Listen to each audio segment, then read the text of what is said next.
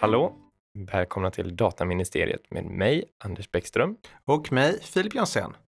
Och idag har vi gästen Caroline Olstedt Karlström från advokatbyrån Sirio. Välkommen! Tackar! Eller om jag ska säga att du är ordförande för Forum för dataskydd eller någon av alla dina andra hattar. Ja. Vilken är du här i? Just nu så är det väl kanske så att jag främst tänker på Forum för dataskydd. Eh, det är ju så att även om du och jag träffas i en del andra sammanhang också, eh, så är det ju ofta eh, som du och jag är engagerade i någon form av diskussion som rör forumet. Så att, så att det är väl det som ligger närmast just precis nu. Men Caroline, när jag, jag är ju hyfsat ny på det här, i synnerhet om man jämför med er två. Men ditt namn var nog bland det första som jag såg när jag började med det här. Det verkar liksom vara så att eh, dataskydd och i synnerhet i Sverige så poppar du upp lite överallt. Du verkar helt enkelt som att du influerar en väldigt stor del av dataskydds-Sverige på något sätt. Hur länge har, ja eller hur, hur gick det till? Hur hamnade du där? Oj, hur gick det till? ja, um, det, någon gång har jag sagt i något sammanhang att, att eh, jag har gått från UFO till mainstream. Eh, att, att det var så att från början när jag jobbade med dataskydd eh, så kände jag mig otroligt ensam. Eh, och, och, jag var den där personen, då satt jag på en annan advokatbyrå och var den där personen som fick hållas liksom, nere i en korridor. Att, ja, det, jag vet inte riktigt vad hon gör, men det verkar bra, så fortsätt. Liksom, låt henne sitta där och hållas sitta där och pula då, som man talade om. Eh, om man skulle vara lite rolig. Eh, men på senare år så har det ju verkligen blivit så eh, att dataskyddet har blivit otroligt eh, spännande. Många som arbetar med det och det finns eh, ett stort behov eh, av det. Eh, men sen så har jag då genom årens lopp försökt engagera i den diskussionen. Jag har försökt föra fram det, eh, försökt påtala hur viktigt det här är. Men, men eh, jag kände mig ju rätt så ensam där i början när jag ropade om jämna mellanrum genom åren. Så är det inte så många i Sverige som har tyckt att det här var lika spännande som jag. Så det tog lite tid. Men, men jag trillade in i det här kan man säga, eh, 2000-2001 ungefär. Eh, jag gick från en av de stora konsultbolagen då 2000 eh, och över till en advokatbyrå. Jag sa att jag vill, jag vill över in på advokatsidan, jag vill arbeta på en byrå som följer de etiska reglerna och, och, som, som håller sig till liksom, ja, lite grann då etikens eh, grundnormer också. Jag tror vi kan berätta vilken byrå det är, för vi har haft dina före detta kollegor här. ja, DLA som de heter. Ja, och Johan och Johan var ju här i tidigare avsnitt. Just det. Och pratade om The Revenge of the Nerds. Ja, ja, ja precis. Det kanske är något som, låter, ja, som du kan känna igen dig i ändå då? Absolut. Eh, och, och, det var ju så då att eh DLA, eh, eller då Lindstabel Horten, eller DLA Nordic, eller eh, vad man nu vill välja. Eh, det var Lindstabel när jag började prata med dem och det var Lindstabel Horten då första dagen precis. Du måste ju börjat ungefär samtidigt som Johan Sundberg. Jag var något tidigare, för han var min trainee. Eh, så att, lite före. Eh, men jag var ju själv biträdande jurist. Eh, och det var helt enkelt så att det var ju vi som var intresserade av dataskydd och som tyckte det var spännande. Vi hade jättekul. Eh, det var väldigt roligt. Eh, och ibland var det väldigt sena kvällar. Och, vi löste en hel del. Vi, fördelen då med att få chansen i den organisationen också, att vara de enda som arbetar med dataskydd i, i Sverige, det var ju också att vi fick jobba med många stora internationella klienter, roliga uppdrag. Inte i Sverige däremot. För i Sverige händer det ju ingenting. Eh, ingen var intresserad av att prata med oss om dataskydd. Eh, men internationellt, eh, för det var ju ändå så att, att eh, direktivet då, eh, dataskyddsdirektivet var i kraft. PUL kom 98. Eh, I många andra länder så agerade man ju mycket mer på det här. Eh, I Sverige så var det fortfarande mer sovande tillvaro. Mycket mer förlåtande tillvaro, om vi säger så. Då. Men har du lika, liksom Johan en arbetsrättslig bakgrund? Eller har du någon annan disciplin? In, nej, ja, det är väl preskriberat nu, eh, men jag var skatterättare. Eh, så att jag började som skatterättsjurist eh, och och både undervisade på universitetet i skatterätt och jag då när jag satt på, på konsultbyråsidan, då, eller revisionsbyråsidan, så satt jag också då med internationell företagsbeskattning. Men kände att jag ville, jag ville byta.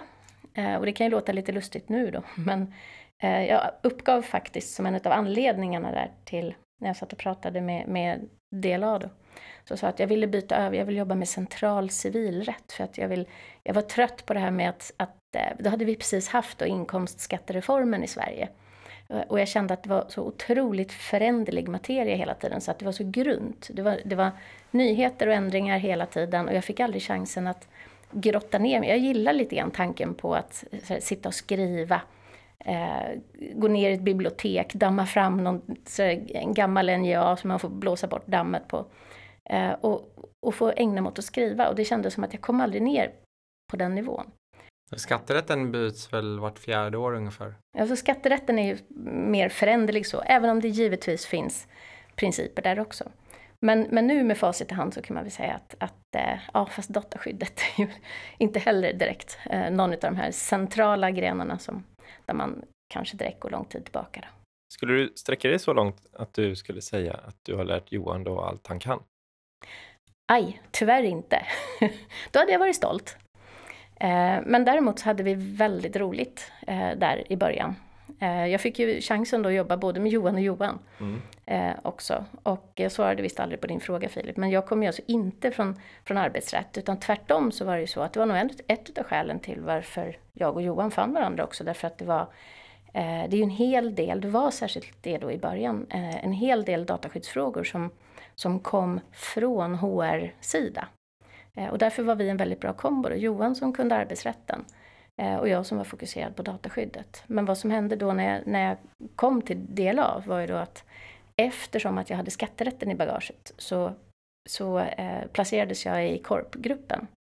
Eh, men gjorde aldrig egentligen så mycket korp utan eh, jag fick ganska tidigt då, eh, klienter som låg inom, eh, eh, inom mediasfären kan man säga. Eh, och den vägen då, när vi började tala om plattformarna där, man började bygga upp nya plattformar, nya tjänster och nya tjänsteleveranser och sådär, så kom jag in på skatterätten. Förlåt. Så kom, kom, jag, så kom jag in på du, dataskyddet skulle jag säga. Sen kommer jag ihåg att du skrev en artikel i, var det advokaten? I någon tidskrift om det framtida behovet av vad som då hette personuppgiftsombud, idag dataskyddsombud. Och typ dagen efter den publicerades så blev du uppsugen av Klarna. Mm. Um, ja, 20 minuter tog det faktiskt. Från det att den gick online till dess att jag fick ett e-mail utav Knut. Och Knut, vi kanske ska berätta vem Knut är. Så, så eh, det blev sen då min chef eh, på Klarna. Idag är han vice VD. Eh, och eh, 20 minuter som sagt från det att då mejlet gick ut med den, med den artikeln i. Eh, och det var ett av mina för, försök. Jag har ju genom åren då försökt just eh, försökt få upp intresset. Jag har ju länge känt mig övertygad om att, att det är så. Vi, vi är dåliga, vi har varit dåliga i Sverige på att se eh, vad integritets och dataskyddet helt enkelt kan betyda, borde betyda för verksamheter, både på offentlig och på privat sida. Eh, och, och, med olika medel har jag försökt nå ut, att, att få personuppgiftsansvariga att, att förstå det här och se vad de borde göra. Mm. Eh, den artikeln var ett exempel, eh, där, där jag skrev då just om att det kommer att bli en brist på personuppgiftsombud. Var det även i den där du föreslog en annan titel? Eh, det kan nog stämma. Har du läst den? Antingen så är det den eller så var det någonting som var kanske på var det i mm. advokaten? Nej, men det stämmer. Det var, det var den, tror jag. Eh, ja. Det var den artikeln. Eh, jag föreslog att man kanske kunde kalla personuppgiftsombuden då för dataskyddschef. Mm. Det är inte bara så att vi behöver läsa, vi har ju ett helt ministerie under oss som hjälper oss med research på dataministeriet. Det är så det är. Ja, så de är effektiva. Ingenting undgår oss. In the name of privacy. Nej. Right. Nej, men eh, jag tyckte själv att, nu är jag lite partisk då eftersom jag är dataskyddsombud eller DPO. Eh, men ombud, jag har alltid tyckt att det låter lite som eh, att, eh, ja, men att det stövlar in någon med gul bygghjälm på sig och stänger Mm. arbetsplatsen Precis. för att nu har det skett en arbetsplatsolycka eller någonting. Och det är ju inte riktigt det som man gör till vardags som DPO. Så jag, jag tycker att det är en intressant diskussion i alla fall. Att fundera över hur man, vad man sätter för titlar på, på olika yrkeskategorier. Jag, jag håller med om det. Och det var ju också eh, för några år sedan under diskussionen eh, när GDPR nu har knådats fram så, att säga, så var jag nere i Bryssel vid ett antal tillfällen. Eh, och vid något av tillfällena så diskuterade man just bland annat eh, frågan om vad, vad heter då den här rollen numera? Eh, så att jag satt ju och höll tummarna rätt ordentligt för att just ombud skulle försvinna. Mm men, men resultatet blev ju då dataskyddsombud. Mm. Men en fråga är till exempel eh, compliance. Där heter det compliance officer. Man använder det engelska begreppet. Mm. Nu vet jag inte om det finns något svenskt ord för den rollen. Skulle det vara Nej, det compliance-ombud? Men det är väl bara att titta på alla, alltså CIO eller vad det kan vara, CFO. Allt är väl officer? Är det inte det? Men då är det en ekonom- Ja. ekonomichef eller vad det kan bli. Regelefterlevnadsombud. Nej, Det måste tror vi börja lansera. Det lät jobbigt. det, ja, det lät inte riktigt som om du beskrev hela... Men jag kommer ihåg när man lanserade dataskyddsombud. Jag faktiskt avskydde det Mm. från dag ett. Nu har jag förlikt med att det heter dataskyddsombud. DSO. Jag trodde inte att det skulle fångas av eh, liksom vår community. Men det verkar ha gjort det.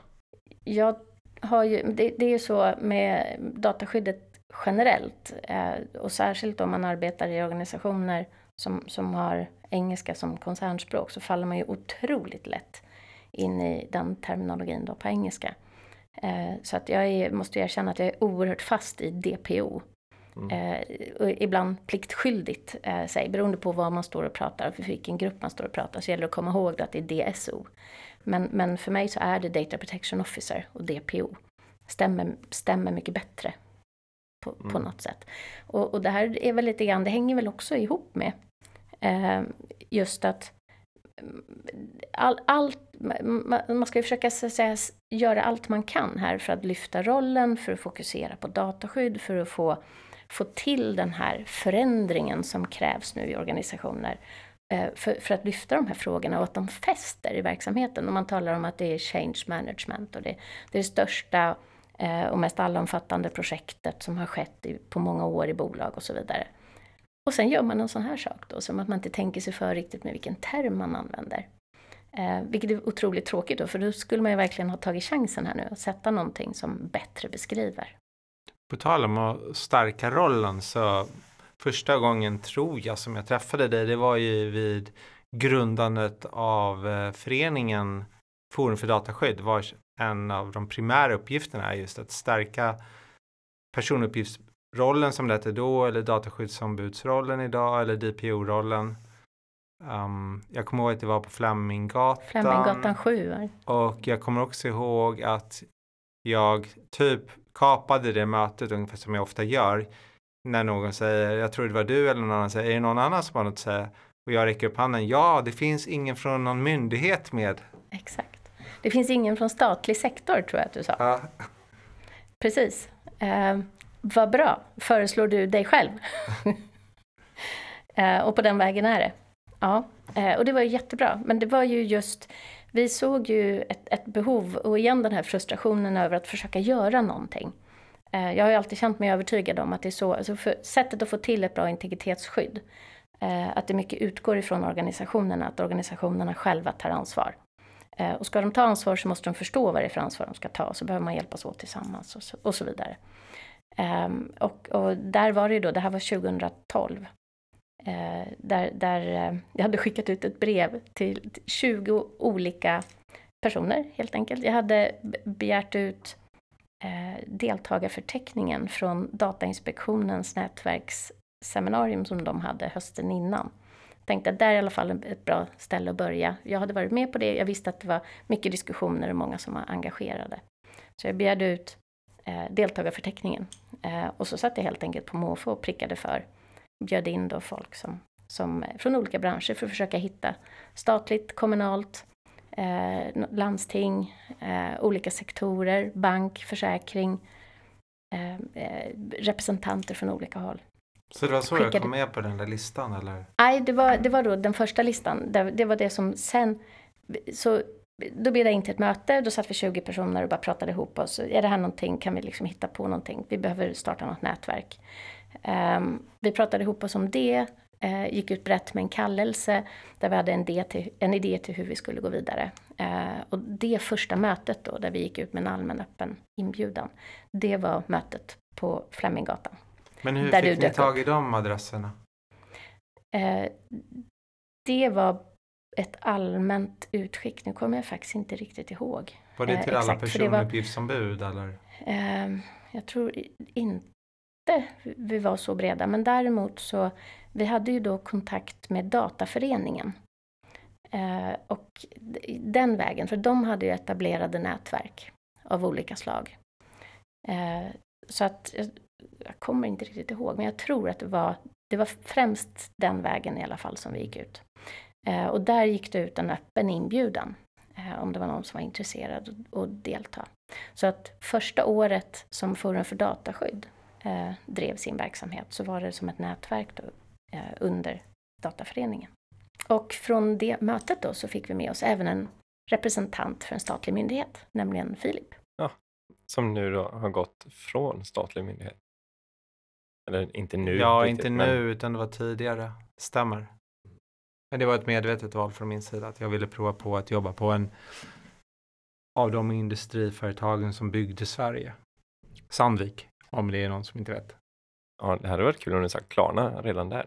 Det beror på hur långt tidsperspektiv man har i att bygga Sverige i och för sig kanske.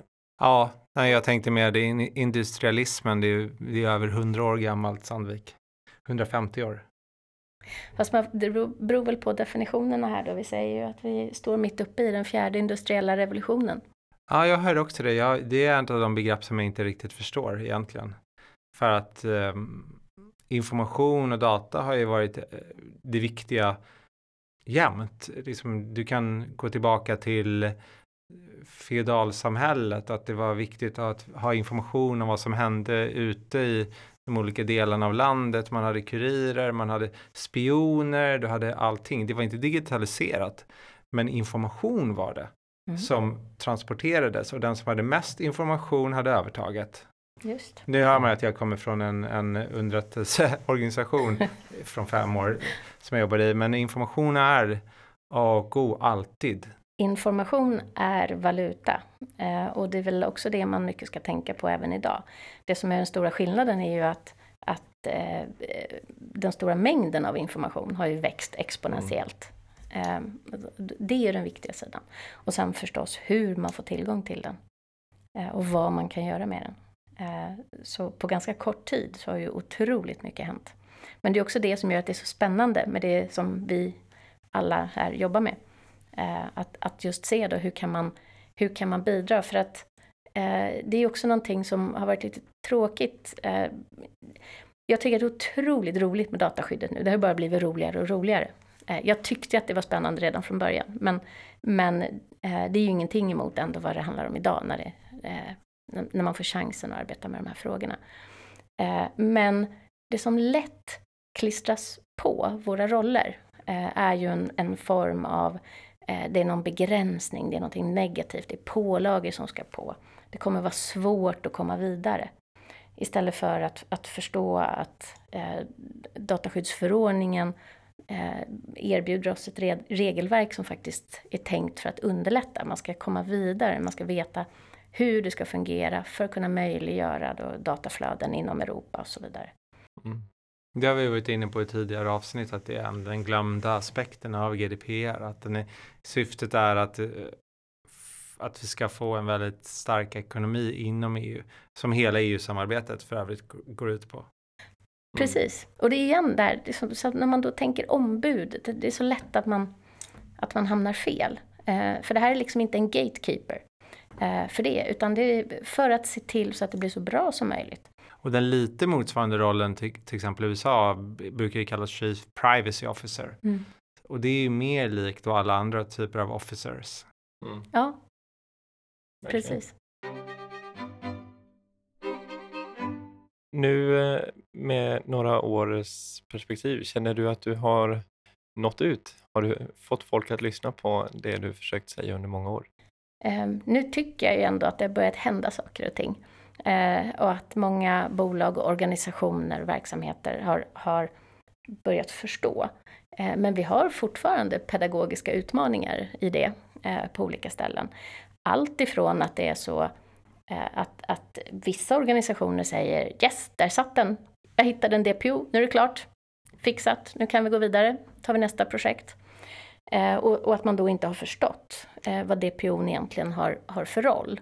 Eh, och vad organisationen då har för roll. Organisationen har ett grundansvar Mm. för att efterleva och, och, kraven i dataskyddsförordningen och att tillse att man på bästa sätt löser databehandlingen. Eh, men, men därifrån till att det finns an, olika typer utav missförstånd så att säga, på vägen. Eh, så att det är klart att i en perfekt värld så skulle man ju önska att alla bolag och organisationer idag var helt, och myndigheter och så vidare var helt up and running. Spännande, det händer saker bland grannarna. Ja, men jag tycker det är en intressant aspekt. Den påminner också, jag har hört mycket diskussioner under det senaste året att de här GDPR-projekten som många drev, eller alla i princip, de var ju väldigt konsulttunga. Så att när projekten var slut så försvann ju konsulterna. Men det fanns ingen förvaltningsorganisation som tog vid, inte den befintliga, de fångade inte upp frågorna och inte någon speciell för dataskydd. Så att det, under det sista året eller knappa året så har många organisationer fallit tillbaka till nästan pooltiden när man inte jobbar aktivt Mm. med frågorna. Man, jag tror inte man såg det medvetet som en one time effort. Men det blev så indirekt. Mm. Och vi var inne med det i förra avsnittet med Alexander Hanf också att bristen på beslut och vägledning från dataskyddsmyndigheter har, och har liksom förstärkt det här att ledningsgrupper kan säga, jaha men vad hände? Och det finns ingenting att peka på. För det hände ingenting. Men nu tror vi ju ändå att det kommer komma ganska kraftiga beslut efter sommaren, verkar alla Mm. tro, både i Sverige, Storbritannien, KNIL i Frankrike har ju redan ett antal beslut. Mm. Tyskland har ganska många beslut men väldigt låga avgifter. Det är ju det, det har ju börjat rulla på. Vi börjar ju se eh, enforcement eh, nu och att det händer. Det finns, Österrike har något och Portugal har något och så vidare. Eh, men det är ju också så att det är klart att Eh, om man tänker även tillsynsmyndigheterna har ju faktiskt också då bara haft ett år på sig nu. Eh, och att de både skulle komma upp i varv med, med staffing och så vidare för att förstå eh, hur man skulle jobba, i vilken riktning och vilk, vad de olika delarna ska göra. Sen ska man också hinna då, eh, det, det är ju en viss sträcka för tillsynsärende. Eh, så att de organisationer då som man tillsynar, ska hinna, man, man ska hinna då på myndighetssida plocka upp antingen att man har ett problem som man vill belysa eller att de helt enkelt har ett projekt som de kanske rent allmänt vill, vill driva, en fråga som de vill fokusera på. Den, det ska de hinna processa och sen ska de hinna hitta då tillsynsobjekt och sen ska de hinna gå ut och ställa frågor och få tillbaka svar och processa igen och så vidare. Kanske vara ute och tillsyna. Eh, och innan den här processen är i hamn så är det klart att, att det, det har tagit rätt bra tid. Eh, och, och kanske att man också då som, som personuppgiftsansvarig eh, skulle ha tvärtom reagerat ganska illa om det var så att eh, det kom tillbaka ett beslut efter en kvart. Eh, så att det här vill man nog ändå att det ska vara en väl övervägd process. Ja, Så att, men nu börjar vi se, nu börjar det komma beslut. Jag tycker ju Datainspektionen får lite oförtjänt mycket kritik just nu för att jag, Mm. jag är av den åsikten att Datainspektionen nästan går från klarhet till klarhet just nu. Mm. Dels den nya GDn Lena Schelin är ute på, på LinkedIn, hon är ute på konferenser, hon syns i media, hon syns i vanliga tidningar, pratar om dataskydd, hur viktigt det är. Hon bjuder in representanter för olika aff- eh, ja, verksamhetsområden. Hon gör jätte, jättemycket, mycket mer än vad tidigare GDR tycker, är min bedömning. Vi har också att Håller de har byggt med. upp sin nya organisation internt, det vet vi. De har en jätteduktig stabschef som jag Mm. tidigare har arbetat själv med på en annan organisation. Um, jag, jag tycker de gör väldigt mycket rätt. Sen finns det vissa brister vad gäller webben. Och ja, det gör det, men man kan också fokusera på det de gör rätt. Absolut. Och jag tycker det finns en sak till som man kan lyfta fram där, eh, som de gör väldigt bra, som hon gör väldigt bra. För just det här som, som du var inne på förut, att det var så att man, att organisationerna har ju själva misstagit sig i väldigt hög grad, att man, går, man har som haft ett GDPR-projekt. Och så tror man att det var lösningen. Eh, och så checkar man av alla sina rutor och såg till att ja, men nu har vi alla actions på plats. Vi har gjort allting, vi har lagt de här, projekt, de, här dokumenten på plats och de här processerna är nu på plats och så vidare. Men man har missat helt på att man ska övergå i någon form av förvaltningsfas. Eh, och, och då har man ju väldigt närsynt, ett, ett närsynt perspektiv liksom, på dataskyddet. Eh, och har inte förstått att det här är någonting som vi nu ska leva med. Vi har inte förändrat vår, eh, vår verksamhet på något sätt. Det här är ju dels någonting som jag har verkligen försökt, eh, det har varit en käpphäst för mig länge, för jag tycker den är så viktig. Man måste förstå att organisationen ska ta till sig av det här och leva dataskyddet sen. Man måste ha ägare på dataskyddet. Man måste förstå vem som nu tar den här stafettpinnen vidare. Och det tycker jag var så roligt att upptäcka att det här är någonting som Lena driver också. Eh, och hon pratar just om hur eh, det är viktigt att organisationerna tar sitt ansvar i den här delen, att man har en intern kontroll som fungerar. Att man förstår vad som händer med de beslut man fattar. Och att, och att det är så att man har ett Eh, ett ansvar kring dataskyddet som är tydligt. Det är inte saker som bara händer.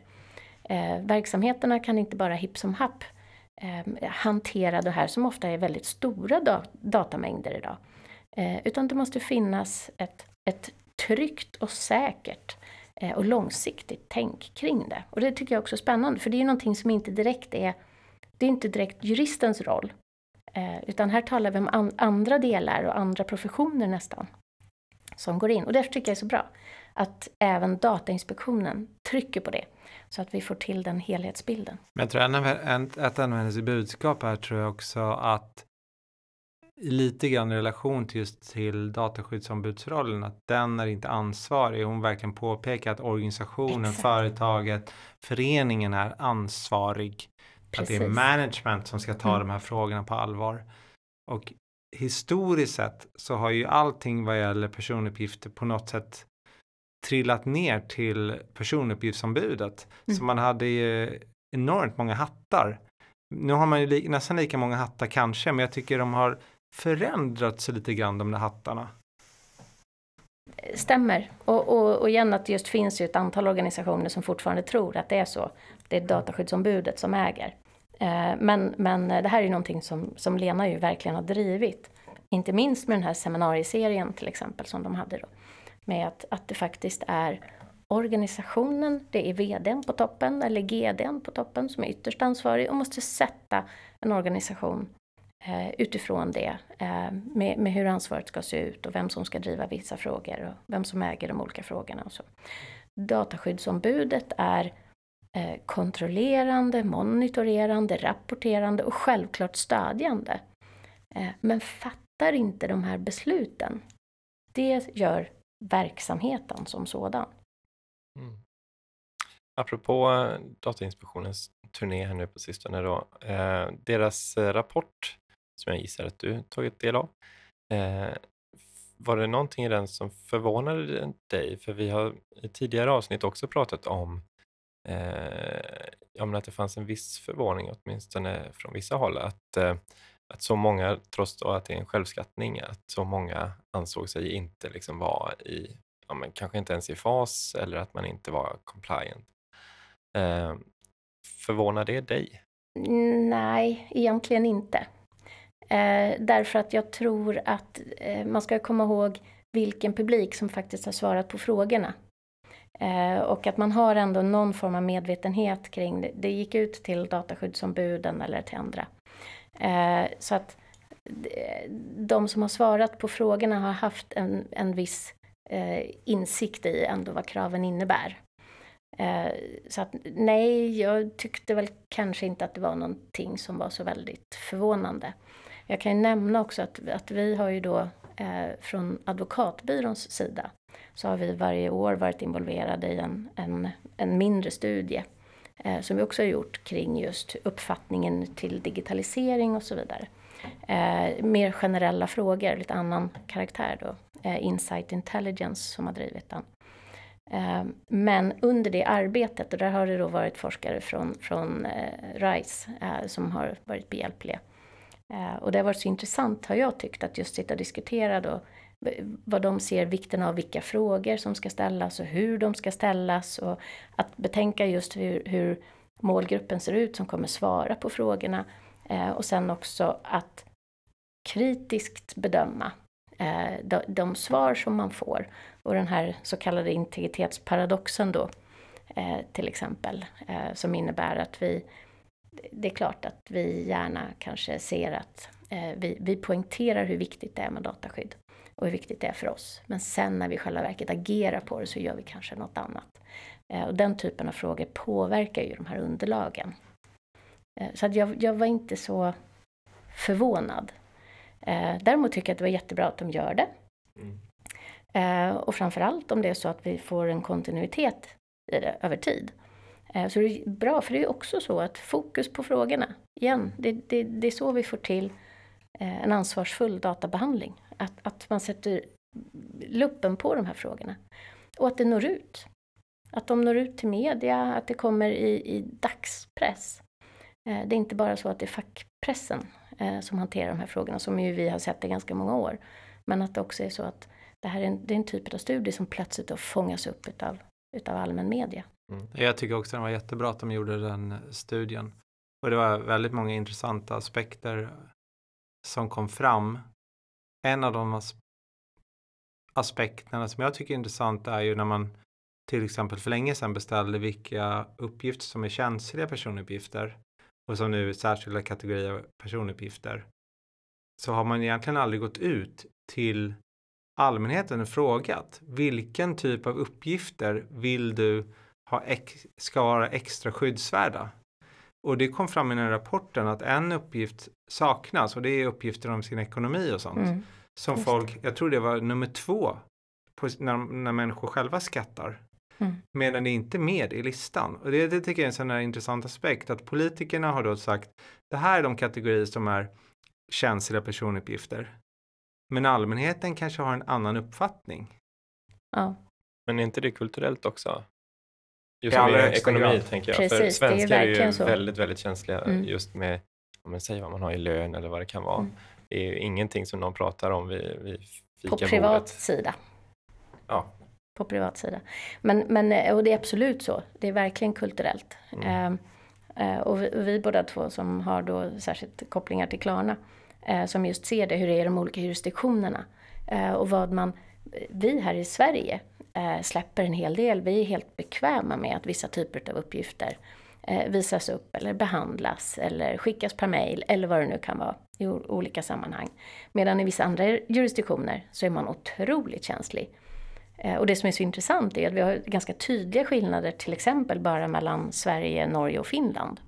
Där man ändå kan tänka sig att vi som helhet i, eh, i Norden har ganska, kanske, eh, gemensamt så att säga, samma sinnelag från början. Men det är jättetydligt hur, hur det skiljer. Men där brukar jag ju framhäva att det är ju Sverige som är undantaget. Jag har sagt det i flera avsnitt nu. Exakt. Vi är de som är annorlunda. Ja. Det kan inte vara så att alla andra länder är annorlunda. För att jag kommer ihåg när jag jobbade på Sandvik och vi hade anställda i Danmark. De hörde jätteofta av sig om HR-frågor och personuppgiftsbehandling på HR-området. Jag tror inte jag fick en enda fråga från Sverige. Nej. Och i Finland, där är man ju oerhört restriktiv. Jag är ju gift ja. med en med, med finsk börd, så jag vet ju, de är jättekänsliga för personnummer, hur man får uppgifter. Det är inte alls som i Sverige. Nej. Det, nej, och, och det är eh, det här är en utmaning för om man tittar på till exempel bolag som börjar fundera på att ge sig över gränserna. Eh, och kan ju bli något av en chock. För om det är så att man, eh, om man är nystartad eller uppväxt så säga, i den svenska miljön Eh, och, och då van vid hur vi svenskar, vi tror på tjänsterna, vi har förtroende för dem, det, det är ingen, ingen stor sak. Vi svarar snällt på de frågor vi får, fyller i de uppgifter de begär. Eh, och sen plötsligt så ska man ta den här tjänsten till något annat land, även om det är i Norden. Eh, så stöter det på patrull. Eh, så det är, det är väldigt tydligt så, eh, vilka prioriteringar, vilka skillnader som, som vi har. Mm. Men jag tycker också att det här är en del i eh, den här, jag gillar ju accountabilityn och brukar tala om det som ansvarsfull databehandling. Och det är ju också en del, tycker jag, i att, att eh, varje organisation ska se till att man, man verkligen förstår det. Vad innebär det? Liksom, vi tar ansvar för den behandling vi gör. Eh, och, och, utifrån den målgrupp vi har. Så om vi nu bortser från de legala kraven, det handlar också om etiska krav eh, och etiken i det. Och det handlar om hur vår målgrupp uppfattar vad de är beredda att, att, att ge oss. Det är varumärkesbyggande eh, och allt möjligt bakom det här. Men att också då förstå vilken marknad man är på väg över i och vad, vad de användarna kan tänka sig. Det är en del i ansvarsfull databehandling. Så det blir den naturliga följdfrågan om eh, din favoritartikel och den kanske är artikel 5 då men då får vi ju ställa följdfrågan vilken av principen är din favorit och det kanske svaret är just ansvarsprincipen eller accountability. Precis, jag, jag gillar ju den. Eh, men, men då kan jag ju fylla på då kanske med artikel 24 också då. Eh, där den ju också dyker upp eh, i, i första stycket. För att eh, just eh, att, att få eh, accountabilityn att få genomslag artikel 24 då som är eh, just frågan om hur, hur man som personuppgiftsansvarig då ska agera. Eh, och att man ska kunna då visa på också att man är eh, compliant, så att, säga. Att, man, att man uppfyller de här kraven. Vad tycker du om översättningen av accountability? Jag slog upp den nu för jag hade glömt den. Ansvarsskyldighet. Det var därför jag fyllde på, det var därför jag trodde det såg ut som om du plockade upp GDPR. Eh, ja, den lämnar ju en del övrigt att önska. Nu är det ju så att alltså den engelska termen är ju väldigt mycket bättre. Eh, den, den, passar bättre, den säger mer och accountability har på något sätt följt med också över i, i vårt språkbruk. Eh, men det är den som jag själv då eh, för egen del brukar översätta som ansvarsfull databehandling. När man talar om det så är det lite lättare i föreläsningar och sådär att få folk att förstå vad det är, vad det är man menar. Eh, men det är det som jag tycker är, det är verkligen eh, essensen av dataskyddsförordningen. Eh, och det är det man borde, ofta så kan man backa hem i det. Om det är så att man sitter i kniviga situationer, det är svårt att förstå hur ska vi egentligen tolka det här. Man håller på med, inte vet jag, det är ansiktsigenkänning eller det är de spännande utmaningarna just nu. Du har ju en koppling till vårdsektor. Eh, Anders, och i den delen, alltså det, det finns så många, det finns utmaningar på så många ställen nu där vi mm. helt enkelt inte vet. Eh, eller som du sa Filip, att vi, har ju, vi saknar vägledning på så många områden. Eh, men att man då i alla fall backar hem i att det här är ett system som, som dels då eh, är tänkt att ge oss ett antal rättigheter som registrerade. Att vi verkligen ser till att fullfölja dem och att vi tar som personuppgiftsansvarig tar det fulla ansvaret och är verkligen, är vi trygga i den behandling vi gör? Jag tycker vi att vi har på ett väldigt bra sätt eh, tagit höjd för de risker vi har sett, vi har mitigerat så gott vi kan etc. Vi har dokumenterat vad vi gör och vi är väldigt tydliga med den, den behandling som sker. Eh, allt ifrån hela vägen ut till transparens och så vidare. Tar vi fullt ansvar, då har vi ju ofta och i hög grad eh, värnat den personliga integriteten. Eh, och, och möjliggjort då kanske, förhoppningsvis, det här fria flödet eh, utav data. Och det är lite grann det som det går ut på.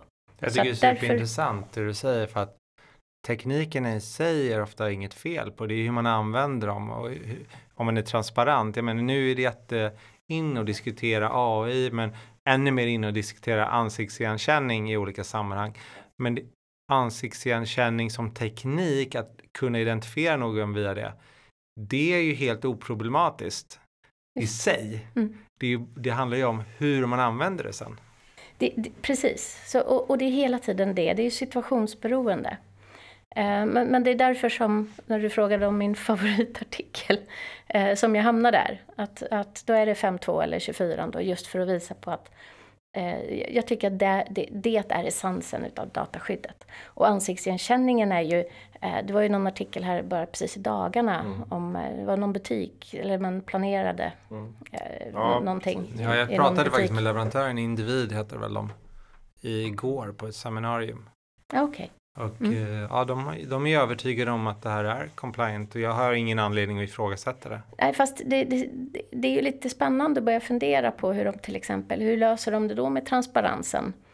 Eh, hur, vad har man tänkt sig då när man, ja, om vi ponerar att det är ett köpcentrum, när man går in i, är det stora planscher vid entrén? Har de tänkt sig att alla, alla tonåringar ska stanna och läsa det här först innan de går in? Så vad är avsikt, hur, hur, hur genomför, det, genomför vi det här hela vägen ut? Jag kommer ihåg när de läste av registreringsskyltarna vid återvinningscentralen för att kolla stat- statistik. Då Mm. var det en stor skylt Ja. under den perioden som stod. Vi läser av och eh, jag kanske tyckte att de till och med inf- överinformerade Men du på var ju den så ofta. Skylten. Jag är på AVC väldigt ofta. Det kanske inte var så många andra som såg eller tänkte på den skylten. Nej, kombinationen av att vara på AVC och privacy risk var ju optimal här. Jaha. Ja, jag känner det var verkligen rätt publik. Det- jag jag det tog väl- ett foto av det till och med. Men jag har även tagit foton i ICA. I ICA-handeln vid Brommaplan, där står också skyltar idag Mm. om, det, om ICAs databehandling Mm. på entrédörrarna. Mm. Och jag har också sett de där skyltarna på lite olika ställen. Precis, men, men, men det är ju också så att det som blir lite intressant där är ju bland annat att fundera över, eh, det är en sak om man ska ha information tillgänglig. Eh, men när vi börjar tala olika typer av ansiktsigenkänning och så vidare, om det är så att vi skulle behöva ett samtycke någonstans, då ställer ju det lite andra krav på den informationen. Eh, och, och hur ska vi då både kunna visa på att vi har informerat tillräckligt och sen fått ett aktivt samtycke? Ja, det blir det vanliga. Du, genom att kliva in genom gallerians dörrar samtycker så har du. du samtyckt. Ja, då är vi där igen. Men eh, jag, jag såg att, eh, eller jag ska väl vara ärlig och säga att jag såg att Datainspektionen bara hade någon typ av kritik till det här eller höjde ett varningens finger för, för just det här med ansiktsigenkänning. igenkänning. Men jag missade själva grejen, vad syftet var med det här. Hade, eh, har ni sett det? Vad var liksom tanken? Varför behöver man plötsligt ha det här i en butik? Ja, men det är ju för att kunna mäta flöden och se om det är återkommande kunder, se var kunderna rör sig, helt enkelt analys av kundstocken och kunna då hur man placerar varor, eh, lojalitetsgrejer och så vidare.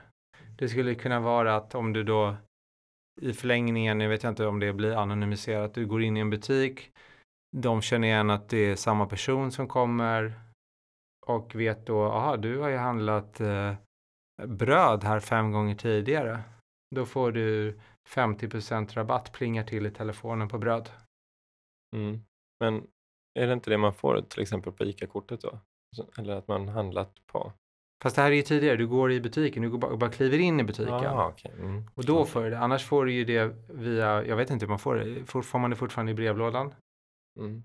Det hörde jag också om någon annan sån liknande just i matvarubutik, att det var någon som tyckte det var supersmidigt när det pingade i telefonen att de var nära rea-priserna på tandborstar eller vad det var.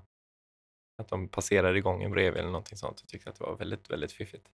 Men det, just inte, när det gäller tandborstar är det ganska bra för att folk byter tandborstar alldeles för sällan. Ja. Jag måste ju nämna det som vi sitter på praktiken. ja. ja, men det, jag kan känna mig skyldig till det. Jag, jag kan fixa en tandborste till dig. Jag har nog ett helt, jag har eltandborste som Charlotte kallar. Eh, och eh, har till och med ett sånt huvud liggandes hemma men ändå, jag kanske är, jag är nästan smålänning så jag kanske är för snål för att byta. Är du inte smålänning? Nej, jag är ju ölänning. Tillhör inte det Småland? Nej, nej, nej, nej, nej. Hade det inte varit bron så hade det ju varit, då hade, ju, hade, man ju, hade ju redan fått eh, En egen Ek- republik? ekonomiskt bistånd från EU men nu är det en halv ö så då får man inte det. Nu är det Gotland som får sånt istället. Var är du ifrån Caroline?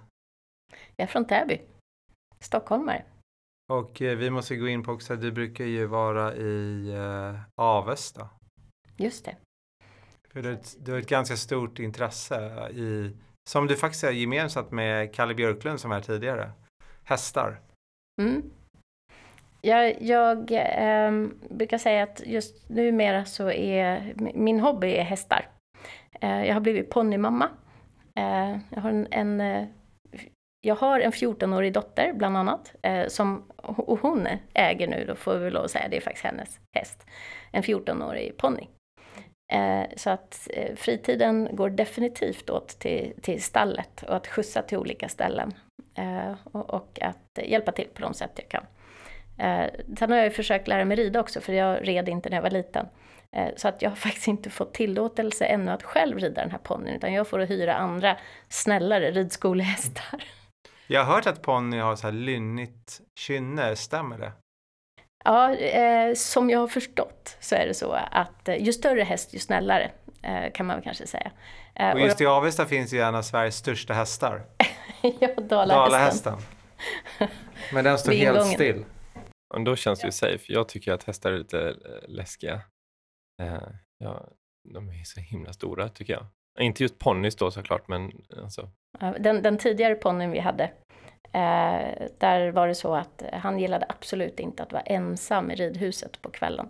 Så att när vi kom upp till Avesta och hon skulle rida, så då fick vi lov, och den av oss som var med henne i stallet, då fick man gå och hämta någon av shettisarna som stod. Eh, men då kan man tala om envetna typer. Eh, så min man sa det, han vägrar, han går inte runt med en shettis för de bara bits. Mm. Eh, men, men de är bra sällskap i alla fall då för ponnyn. Men, men de kan vara riktigt tjuriga. Eh, Så det har ju många gånger varit så. Hon har skrattat gott åt mig eh, när hon ser att det är, det är hästen som är ute med mig och inte tvärtom. mm. Då börjar det låta mer som en åsna. ja, ja, De är väl... jag visste att det var något fel. Ja, ja, men det... Men jag hade faktiskt en incident för en månad sedan med Kalle när vi följde med honom till ridhuset. Och han hade kommit på den briljanta idén att vi skulle ha med morötter. Och vi skulle gå in med, med vår två femåring, hela familjen tillsammans med honom i hästhagen med ett knippe Med morötter. morötterna. Hästarna Aj. blev helt galna, mina barn blev helt galna. Så att det slutade, det var ju kaos. Hästarna åt upp mina barns mössor. Vi flydde och kastade morötterna och bara sprang. Ja, det var väldigt roligt. Ja, nej, men så att man kan väl säga att hobbyn är, är verkligen stall, stallbacken och hästar just nu. Men passionen är motorcyklar däremot. Eh, så det är lite fler hästkrafter. Mm. Eh, men det har jag ingen just nu. Eh, och det är ganska länge sedan om jag ska vara ärlig. Därför att jag också, jag, jag är lite, jag har lite riskaversion sådär. Så att eh, det är ingenting som jag... Det går ju inte eh, sådär jätteväl eh, ihop, tänker jag, mot, motorcykelintresse och eh, det beror på hur man ser på det hela. Eh, den, så nu är det rätt många år sedan jag sålde min sista motor, senaste ska jag säga, motorcykel.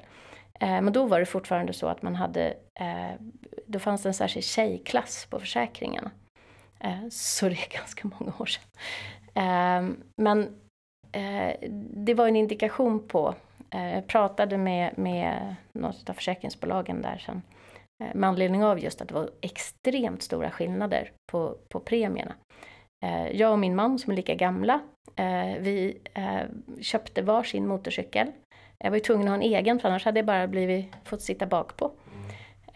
Så vi, och, och, och då tittade vi på, jämförde de olika klasserna och det var alltså den motorcykeln, jag köpte en Triumph som var helt fantastisk. Mats hade inte kunnat köpa, så- eller kunnat väl, men då hade han fått lägga hela årslönen på att bara försäkra den där.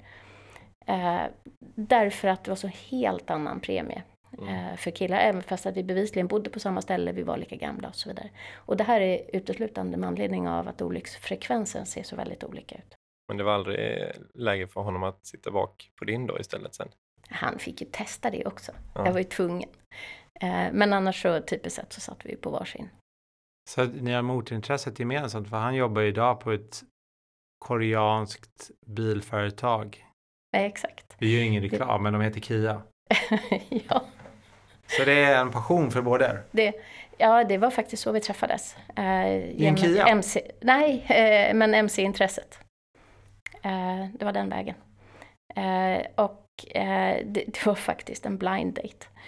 Eh, men vi hade gemensamma, det, det fanns en kompis eh, i sammanhanget där som hade ident- hade identifierat att vi båda två körde motorcykel eh, och försökte tussa ihop oss då.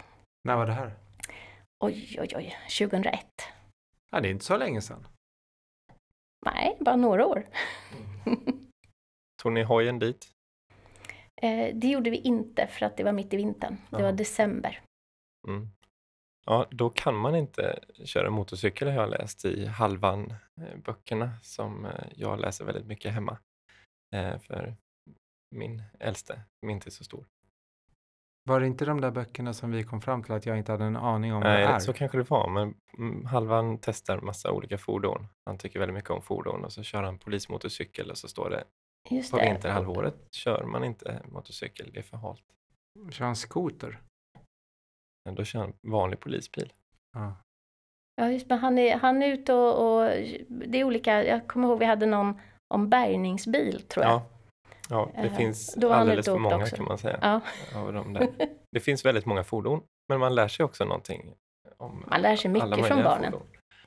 Men eh, hur mycket gör halvan dataskydd? Är han DSO? Nej, han gör ingenting sånt. Eh, tyvärr. Och det är också en utmaning, by the way, dataskydd för barnen. Ja, Det, är- det är nästa passion jag kan... Jag vet, jag hade tänkt på. komma in på det faktiskt, för jag vet att du verkligen brinner för dataskydd och skolmiljön. Ja. Eh, Min, mina barn, de tittar oroligt på mig numera. Om man går in i skolan och det är någonting. Ibland när det sitter skyltar eller när det har varit en föräldramöte om saker och ting. Så här, mamma, mamma, tyst nu, säg ingenting. Eh, Men, men eh, ja, jag kan inte låta bli. Ibland är det så att jag tänker att men när det nu är så att det är en skola eller förskolan som det var, så där, när de inte riktigt förstår eller när man har gått riktigt snett. Eh, så, så tänker jag att ja, men om inte då vi som, som faktiskt jobbar med dataskydd, om inte vi reagerar då, så är det ju ingen annan som kanske lär göra det heller. Eh, men jag har fått mig några riktiga näsbränner på, på föräldramöten. Jag Men kan inte delge någon bara lite allmänt, någon rolig historia? Jag kan berätta en efter så att. ja, jag vet inte om jag har någon sån rolig, men eh, till exempel så var det så att på en, en skola, eh, vi hade då eh, en, vi hade ett barn i förskoleklassen, när de lanserade på ett föräldramöte att eh, jo, så kommer vi ta in, vi, vi, vi kommer se till så att alla barnen får paddor. Eh, de kommer få en egen uppsättning och, och ni måste se till då så att vi, ja det var ju avtal vi skulle skriva på för att få ut de här paddorna.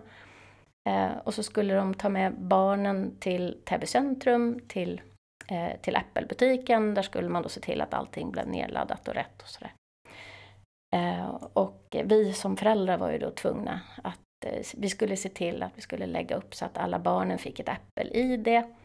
Eh, och redan där började ju jag invända då, vänta ett tag, vi pratar om sexåringar, ska de ha eget Apple-ID? Eh, och, och eh, då var det till slut, eh, efter att jag hade ställt några frågor, så var det en pappa som ställde sig upp och bara sa, kan inte du vara tyst nu? eh, och, och det är förstås så att de tyckte att det var fantastiskt att digitaliseringen hade nått så långt så att sexåringarna fick paddor. Det kan men vara så att pappan vill ha paddan. kanske var så. Det där är superintressant eftersom vi har ju skärmförbud för våra barn. Ja, Så de kan ju, hon skulle inte få ha den där paddan ens. nej, ja, det är så väldigt olika. Sen fortsatte det där då med att eh, nästa sak som hände så gick det ut ett, eh, ett eh, e-mail från, ja det kommer jag inte ihåg om det var rektor eller om det var läraren, men det gick ut från skolan i alla fall. Eh, med Google Form eh, skickade de ut ett e-mail och bad oss alla eh, svara tillbaka med vad vi hade för passwords på, på Apple-id så att de kunde få samla in dem. Eh, så att de kunde hjälpa barnen med att dra ner då de, eh, de appar som man ville ha. Eh, och man behövde ju inte läsa så särskilt, det var väl ungefär en centimeter längre ner i det där Google Form så står det ju då att observera, skicka inte lösenord eh, med, med Google Form. Eh, men de samlade in det den vägen då och tänkte ju inte heller på förstås vad de gjorde. Det är väl där det ofta blir fel. Ja, det är ju Men lätt att det mina blir fel. är mer också att det har ju gått åt andra hållet också. Ibland så när man är på förskolan eller, så, så, så, så kanske man har, det är Lucia eller det är någon aktivitet. Ja. Så säger de, nu får ingen fotografera, nu får ingen göra det och det och det och det. Och det, det. GDPR kommer alltid på slutet sen. Så det, det finns så många konstiga uppfattningar och det kan gå åt ena hållet som i dina fall. Eller det kan gå åt andra hållet att de säger man får inte göra massa saker som man faktiskt får göra. Ja, det, det är ju otroligt vingligt. Ehm, men, men och det, är så, det har ju... Eh, jag har också givit mig på ett antal olika, så det var Kulturskolan hade något system som man plötsligt då skulle rulla ut till alla föräldrar. Ehm, och så bad man om föräldrarnas personnummer, bland annat. Ehm, ingen privacy policy eller någonting. Och jag reagerade lite mot det där. Och hade någon diskussion. Och vips så hade jag plötsligt Eh, den leverantörens VD eh, i telefonen. Så jag hörde att du hade några synpunkter. Eh, vår jurist har ju gått igenom det här, men jag tänkte att om du vet bättre så kanske du skulle kunna hjälpa oss utforma informationen. Eh, så att det, det, Ja, det hade jag väl kunnat göra i och för sig. Men jag hade ju uppskattat eh, om de hade, det, det, här är en leverantör som har ett system i väldigt många olika eh, kommuner. Då hade man ju gärna velat se kanske att, att det var ett tänk som var rätt från början. Eh, så att det, det, det, är vingligt, och precis som du säger, det går åt ena hållet eller åt andra hållet. Eh, men, men man skulle vilja att det var lite stadigare hand i både både den information som man, alltså hur man samlar in information om barnen i skolorna eh, att den informationen är säker. Vi har ju sett också i Norge till exempel de här, ett par fall nu där vi just ser sanktioner som rullar upp. Det är Bergen kommun va? Bergen och Oslo. Eh, I båda fallen så rör det sig om information om elever då som, som har varit för öppen. Så att det händer så mycket kring det. Men sen tycker jag också att det handlar om eh, hur, vad man lär eleverna. Eh, för det är ju sen nästa fråga. Jag har ju konstant diskussion hemma nu tycker jag Eh, med det och försöker. Eh, vi hade en diskussion om bilder och Snapchat igår kväll hemma. Eh, men jag går ju helt i väggen där. Eh, för att barnen har ju liksom redan bortsett från mig från början. För de, de tycker att jag är arbetsskadad när jag pratar om sådana här saker. Men du har inte Snapchat då? Jag har ju inte det. Men dottern har. Har du några av de andra stora apparna? ja, men typ Facebook eller Instagram? Jag tror att det eller... kallas plattformar. Ja, så är det kanske. Plattformar. Jag kör mest i appar så jag är väl skadad av det. Ja, fast jag var, jag var sent ut på Facebook. Höll emot länge. Men sen var, tog nyfikenheten överhand någon gång där. Eh, när jag var tvungen att försöka få ut, för jag ville se villkoren och se vad som hände och sådär. Så att ja, visst, jag har Facebook. Men jag är inte där så, så mycket. Det är jag inte. Har du Instagram? Jag har ett konto. Eh, men också mer för att bara här, ha lite koll på barnen har Instagram. Eh, grupptrycket runt de här tjänsterna är ju starkt. Vi var inne faktiskt på det också med tidigare avsnitt med Alexander Ham för just den här eh, sociala biten av pressen att man kan missa saker. Det händer väldigt mycket på, på de sociala medierna. Att många känner att de kan inte vara utan. Jag har ju inte Facebook, jag har inte Instagram, jag har, jag har ju bara LinkedIn. Och så blir du inte inbjuden till festerna heller? Det, det, vet jag inte. Det är mycket möjligt. Den festen som är på lördag, den är ju sig hemma hos oss. Den är jag bjuden på. Ja, just det. Mm. Då kanske du fått informationen ändå. Och nu när ni lyssnar på det här så har festen redan varit, ska jag berätta. Det var en lördag tidigare, det var den vi spelade in. Så det är ingen idé att komma hem till oss på lördag. såg du eh, artikeln som var i DN igår var det väl? Eh, en lärare som hade gjort ett test. Eh, som hade låtit barnen, de hade fått, nu ska vi tänka, det här var en åttonde klass tror jag att det var. Eh, 21 barn i en åttonde klass eh, som hade fått nolla alla sina notifieringar eh, från alla olika tjänster. Och sen hade han låtit dem ha på telefonerna i 30 minuter. Och sen så mätte de antalet notifieringar och meddelanden och så vidare som de hade fått in. Eh, han var uppe i, jag tror det var så 2300 eller någonting, på, 20, på 21 personer i 30 minuter. Eh, så att ja, eh, är man inte på plattformarna så missar man en hel del. Och, och det där är ju en diskussion som, som också behövs tas bland barnen och i skolan och så vidare. Och även vuxna. Absolut. Jag blev faktiskt tillsagd innan jag gick till studion idag av min fru att stänga av mina notiser på TipTap. Hon bara, du tittar på telefonen för mycket. Du ska stänga av alla pushnotiser för det, det avbryter våra samtal. Det stör din egen liksom lugn och ro. Nu har vi, vi har ju redan telefonförbud mellan sex och åtta varje kväll. Då vi lägger undan alla mobiler. Eller alla, det är ju bara de vuxna som har mobiler. Men då får man inte ens titta, man får inte smsa ingenting. Om ens förälder eller något så här ringer då får man svara för att det kan ju vara något akut. Men i princip ingenting. Och nu har jag stängt av alla pushnotiser på allt. Mm. Det, det, är ju så, mobilerna och pushnotiserna särskilt är ju eh, verkligen en, en källa till koncentrationsproblem. Eh, så att det, och just med tanke på barnen så tror jag att det är så.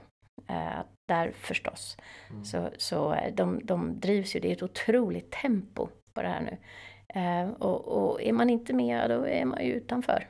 Ja, men precis. Så, så, är det ju. Och, och självklart även vuxna berörs.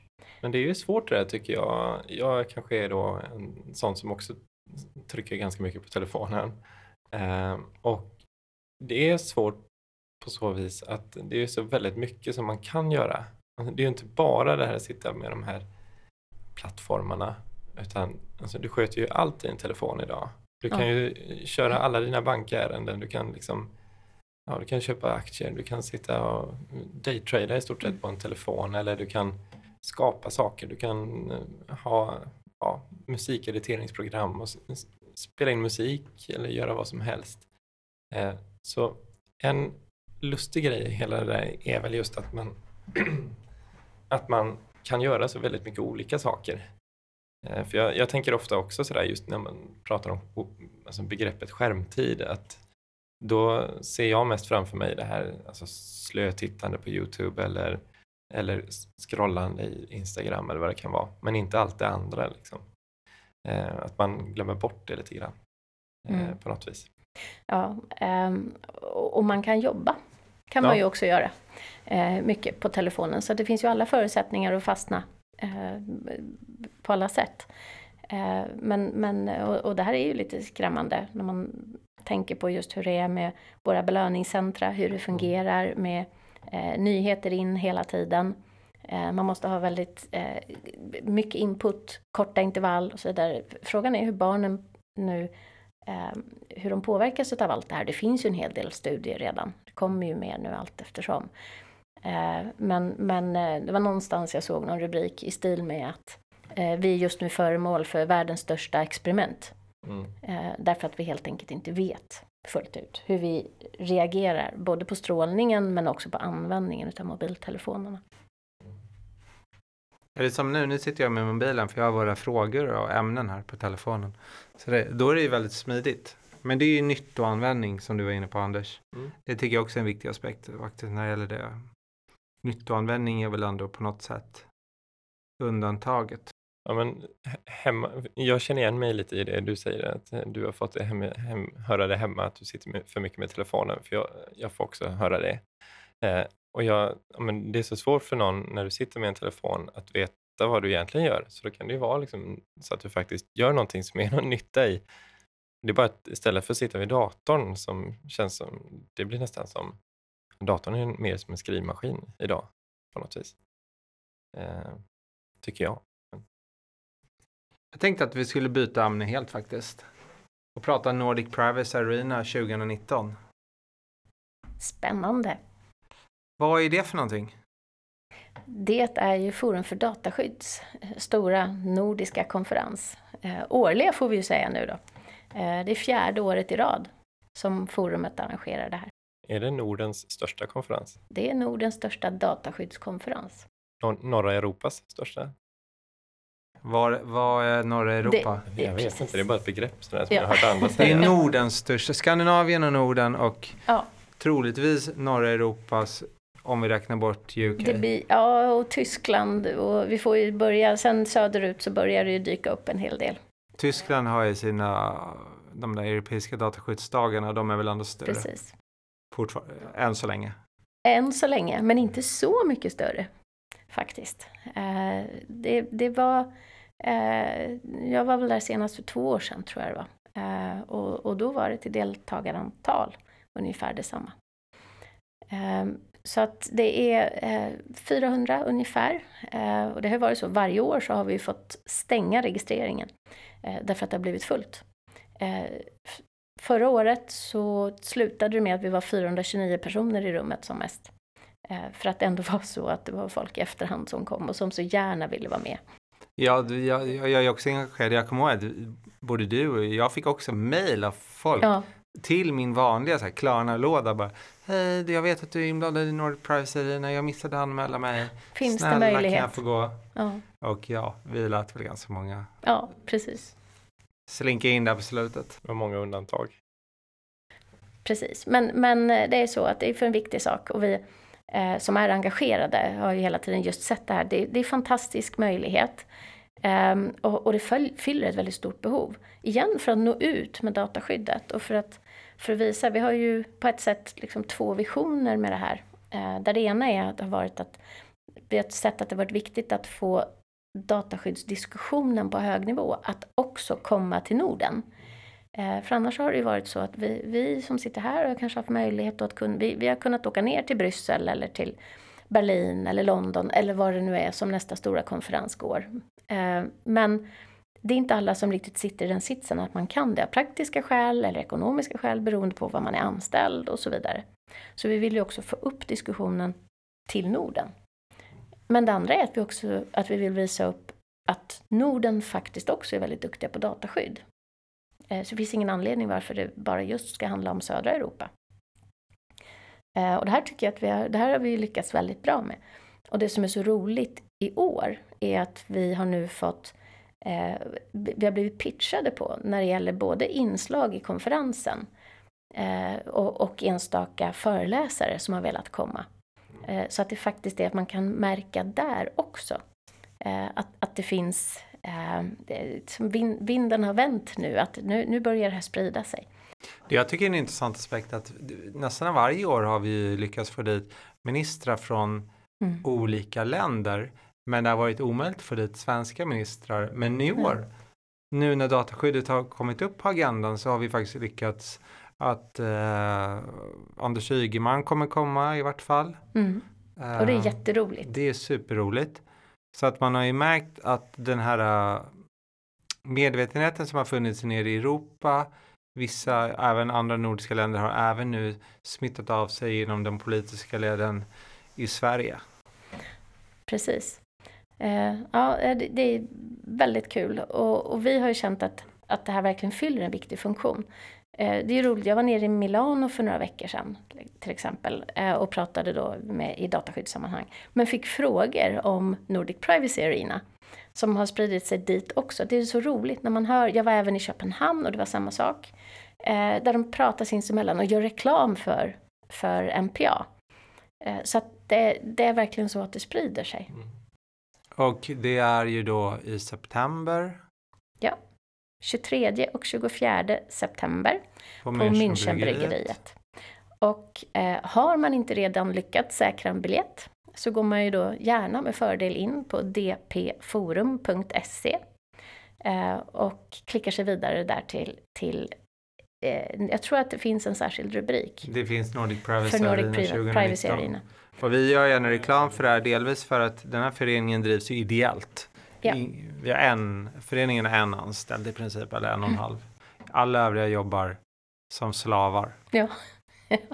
Men för att vi också just är så pass engagerade som, som vi är, att vi tycker att det är viktigt. Och jag tycker ju både den konferensen och många andra konferenser, den, den primära uppgiften är ju egentligen att träffa alla de som jobbar i samma mm. område som man inte träffar jätteofta. Man kan diskutera något, någonting man har typ satt på LinkedIn eller något litet ämne som dyker upp här och där.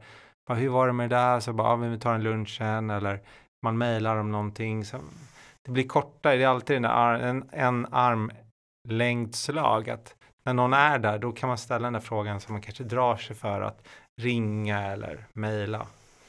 Precis, och det där är ju egentligen, det fyller, fyller ju flera funktioner. Dels är det så att om vi går tillbaka till vad som var en av anledningarna till forumet från början, just det här att skapa nätverken. Många som, som dataskyddsansvariga eller dataskyddsombud eller vad man nu är då, sitter ju ofta ganska ensamt i sin organisation. Man kanske är den enda som, som i praktiken fokuserar på dataskydd. Eh, och då är det fantastiskt att kunna ha möjlighet att man skapar sig sitt eget nätverk och kan ta den där lunchen med någon när man vill stämma av någon fråga eller Eh, där, där, där, det finns behov av att liksom hitta, försöka benchmarka och hitta best practice och så vidare. Eh, men det andra är ju att det faktiskt också är otroligt kul. Det är väldigt inspirerande. Revenge of the nerds. Mm. Eh, det, det, är så att det, vi som tycker att det är intressant och roligt att få diskutera de här frågorna får ju verkligen den här chansen också. Att, att leva ut det ordentligt. Där är alla intresserade av det här. De vet vad man pratar om. Och, och, och det är roligt att få höra reaktionerna och just i år, den största anledningen till att gå till Nordic Privacy är att man kommer få möjlighet att träffa dataministeriet livslevande i ett litet rum på konferensområdet. Precis, och vi är jättestolta över att dataministeriet kommer vara på plats. Såklart. Men är det utöver dataministeriet några särskilda affischnamn som du skulle vilja liksom pusha för? Ja, dataministeriet är ju då självklart det viktigaste. Eh, men det finns några till. Man kan ju säga för det första då att vi håller på att precis eh, göra klart programmet. Så vi mm. hoppas på att det ska vara klart på fredag. Eh, alltså det var men, en fredag långt tidigare när det här sänds? Ja, kanske vi ska förtydliga då. Men... Sänds? jag är alltid det här med poddar. Det är så konstigt för mig med poddar. Ja. För mig är det bara ett radioprogram som man spelar in. Ja, men publiceras då? Kan man väl säga kanske. Ja. Mm. Eh, men, det, men det finns ett antal och, och, redan på hemsidan så finns det ett antal talare eh, som är namngivna. Vi får in Peter Fleischer till exempel eh, som, som är ansvarig då för dataskyddet på Google. Eh, som jag själv tycker är jättespännande. Vi, får, vi har pratat med honom i flera år men det har aldrig funkat riktigt eh, med hans schema. Eh, men i år stämde det. Eh, och det är faktiskt ett exempel på någon som, som själv tog kontakt. Eh, så det, det, är otroligt roligt eh, att se. Sen har vi många utav DPA-erna, tillsynsmyndigheterna. Eh, så att eh, i år är det representanter tror jag från alla tillsynsmyndigheter. Svenska Datainspektionen kommer också ha eh, fem eller sex personer med i olika Eh, i, olika sammanhang, eh, olika paneler och så vidare också. Mm. Eh, det är jätteroligt. och sen så är det ett antal representanter för olika bolag, myndigheter. Föreningar. Är det, hur var det nu, kommer Japans dataskyddsmyndighet? Ja. Det tycker jag är superspännande. Jag har ju tjatat ja. på oss som arrangerar i flera mm. år att vi måste få in i Asien. Precis, det, det är det jätteroligt. ja, det är ju väldigt mm. eh, Schleswig-Holsteins dataskyddsmyndighet mm. kommer ju deras Knill. generaldirektör. Kommer. Knill kommer ju den näst högsta från. Ja, en avdelningsdirektör. Avdelningschef. Ja. Mm. Som kommer. Mm. mm. Och så har vi eh, eh, vi har eh, Telia på plats till exempel. Eh, vi har ett antal spännande moderatorer också så mm. vi får in lite olika vinklar. Mm. Jag tror vi glömde säga i förra avsnittet med Alexander Hanf att han kommer ju vara moderator. Ja, ja mm. men det blir kul Stämmer. att höra Alexander och eh, Google. Jag kan tänka mig att Alexander har en del frågor att ställa. Men jag tycker verkligen man ska gå dit för att om man nu inte gillar vissa av de företag som kommer dit då har man ett gyllene tillfälle att ställa frågorna för det har ju funnits en liten vad ska man säga, vissa dataskyddsaktivister anser inte att för, de här företagen ens ska få komma på konferenser. Och jag är av raka motsatsen eh, ståndpunkten att det är självklart att de ska komma för att det är lite grann som man började med Sverigedemokraterna för många år sedan. Men man, vi släpper inte in i debatten. Det är inte en vinnande väg. Man ska släppa in och vinna debatten. Det, precis, och det är ju rätt viktigt att de måste ju också få just vara med örat mot marken och höra vad som pågår. Mm. Eh, vi kommer inte få, om vi då talar med exempelvis de stora plattformarna som kritiken ofta har varit. Eh, vi kommer inte få de stora plattformarna att ändra sig eh, om de inte får den inputen. Att de, de måste också förstå eh, och höra vad tycker egentligen användarna. Mm. Eh, så vi har ju tyckt att det har varit rätt viktigt eh, att, att just de är på plats. Vi har haft Facebook, vi har haft Google med, med flera. Um, och, och, det är en viktig del i det också. Det är just att det här ska vara den här smältkitteln. Det ska vara, det ska vara representanter från alla möjliga olika hörn. mm. som tillsammans då i, i dagarna två Eh, umgås. Sen är det ju även så att vi bjuder på middag på kvällen där vi kommer ha en, en speciell gäst eh, som dyker upp också som talar under kvällen. Så det finns alla chanser till att diskutera, debattera eh, och, och, helt enkelt också då bygga sitt nätverk, vara intresserad av att följa med i det som händer och, och kunna fånga upp de som man är intresserad av beroende på i vilken, vilken verksamhet man själv befinner sig. Om det är både på om det är eh, offentlig sida eller, eller privat sektor eller vilken typ av verksamhet det är. Mm.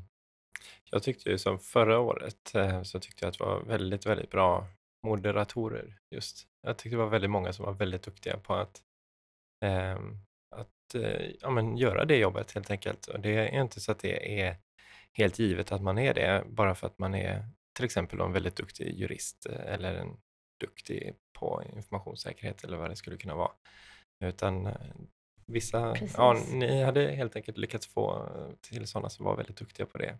Alltså det, det, det där måste jag bara säga, det här är det mest smöriga hört eftersom två moderatorerna sitter här i studion.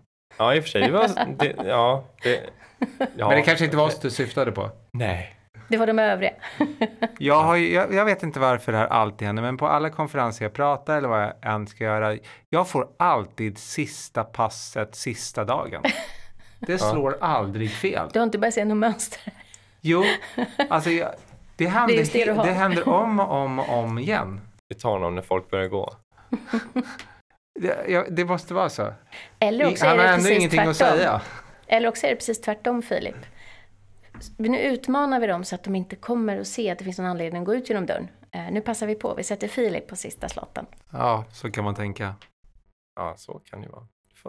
Det finns alltid två sidor av ett mynt. Ja, men alltså, nu vet jag, vi glömde ställa en fråga till Alexander Hanf. Det är sant. Caroline, vad är ditt senaste inköpta verktyg? Verktyg. Ja, och jag låter alltid det där vara väldigt brett. För mm. mig så behöver det inte vara liksom, hantverksverktyg. Men Filip, du kanske har en annan åsikt?